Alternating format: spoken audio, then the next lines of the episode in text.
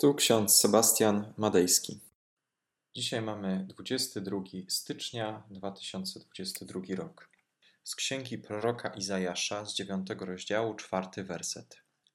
Każdy but skrzypiący przy chodzie i płaszcz krwią zbroczony pójdzie na spalenie, na pastwę ognia. Oraz Ewangelia Łukasza, pierwszy rozdział, wersety 78 i 79.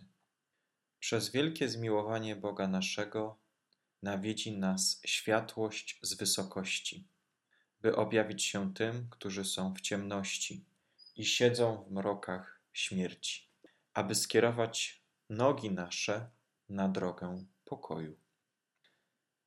Zagadkowe słowa z księgi Izajasza o zepsutym bucie i pobrudzonym płaszczu są e, przede wszystkim symbolem zerwania z przeszłością, zerwaniem z tym, co było, odcięcie się od tego, co jest zniszczone i co jest zbroczone krwią niewinnych osób. Czytamy w tym rozdziale Księgi Izajasza takie słowa: Lud, który chodzi w ciemności, ujrzy światło wielkie. Nad mieszkańcami krainy mroków zabłyśnie światłość. Udzielisz mnóstwo wesela, sprawisz wielką radość. Radować się będą przed Tobą, jak radują się żniwa. Gdyż każdy but skrzypiący przy chodzie i płaszcz krwią zbroczony pójdzie na spalenie, na pastwę ognia. Albowiem dziecię narodziło się nam, syn jest nam dany i spocznie władca na jego ramieniu. I nazwą go cudowny doradca, Bóg mocny, Ojciec odwieczny, i książę pokoju.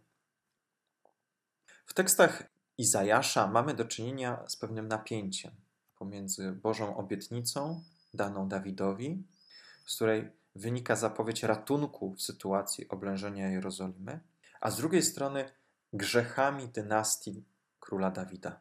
One to prowadzą z kolei do zapowiedzianej katastrofy w nieco dalszej perspektywie. Po sądzie który nastąpi, zapanuje znowu sprawiedliwy władca, będący następcą króla Dawida. W księdze Izajasza w dziewiątym rozdziale jest reakcja proroka na upadek Asyrii, na objęcie tronu przez króla Jozjasza. Izajasz liczył na to, że judzki władca, król Jozjasz, będzie właściwie realizował swe zadania, polegając w sposób całkowity na Bogu. Zarówno w księdze proroka Izajasza, jak i u Micheasza obecne było oczekiwanie na sprawiedliwego władcę. W księdze proroka Izajasza to oczekiwanie wydaje się krótkie. Ten władca nadejdzie wkrótce, lada dzień. Natomiast u Micheasza król, książę pokoju, zapowiadany Mesjasz nadejdzie w odleglejszej perspektywie. Zasadniczo los monarchii Izraela był spleciony z losem całego Izraela i Judy.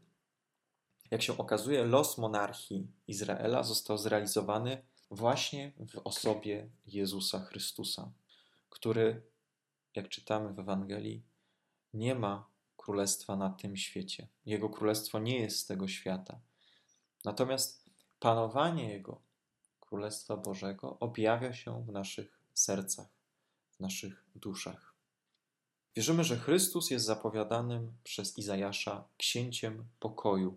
Pojednał on nas z Bogiem i jest dawcą pokoju, zarówno w sercu, jak i w sumieniu.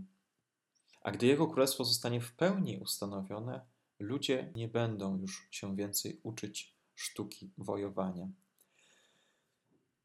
Te sprawy, jak skrzypiący przy chodzie but, czy płaszcz zbroczony krwią, to wszystko pójdzie na spalenie, na pastwę ognia, który ma oczyścić te przedmioty.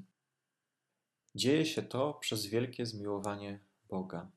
Nawiedzi nas światłość z wysokości, by objawić się tym, którzy chodzą w ciemności i siedzą w mrokach śmierci, aby skierować nasze nogi na drogę pokoju. Czytamy w Ewangelii Łukasza. Zastanówmy się, drodzy, dzisiaj, na ile odczuwamy ten Boży pokój w naszych sercach, na ile go jeszcze nam brakuje? Czy nie jest przypadkiem tak, że Bóg nam daje jakąś możliwość, jakąś okazję do tego, aby się wyciszyć, do tego, aby odnajdywać Boży pokój, ale my zwyczajnie z tego nie korzystamy. Zastanówmy się, czy w naszym życiu więcej panuje Chrystusa, czy też bardziej jesteśmy skupieni na sobie, na tym, aby to królestwo było nam podległe, abyśmy to my władali naszym życiem i wszystkimi wokół. Jeżeli oddamy sprawy Bogu, jeżeli oddamy te panowanie naszemu księciu pokoju, naszemu Bogu, Zbawicielowi Jezusowi Chrystusowi, to wówczas okazuje się, że ten pokój przychodzi poprzez właśnie Niego, poprzez Jego panowanie. Jego panowanie jest sprawiedliwym panowaniem i nie jest uzależnione od sytuacji geopolitycznej na świecie. Widzimy, jak wiele państw jest ambitnych i pragnie zagarnąć kolejne ziemie. Jezus Chrystus jest księciem pokoju, tym, który przychodzi w cichości, po cichu, w sposób delikatny. Przychodzi do nas i do naszego serca, aby tam panować. Dlatego Ty, Panie, władasz światem, masz wszystko w rękach swych i serca ludzkie badasz. Poruszasz myśli ich, więc je ku zgodzie skłoń, by wszyscy powaśnieni, Twą łaską zwyciężeni, podali sobie dłonie. Takie słowa napisał ksiądz Paweł Gerhard w jednej z pieśni w śpiewniku ewangelickim. To za wspaniałe słowa, poruszające zarówno duszę, jak i nasz umysł. To Bóg porusza nasze myśli, abyśmy skłonili się ku pokojowi, abyśmy wyciągnęli do zgody jakąś dłoń, która być może zaciska się w pięść, którą byśmy nie chcieli podać tym, którzy nas skrzywdzili. Jednak Bóg oświeca nasze serca poprzez swojego Ducha Świętego, nawiedza nas w ciemności, w mrokach śmierci, w mrokach braku przebaczenia. Bóg doskonale zna nasze serca i doskonale wie, czego potrzebujemy. Często jest tak, że ktoś nas skrzywdził i nie jesteśmy w stanie pogodzić się z tym.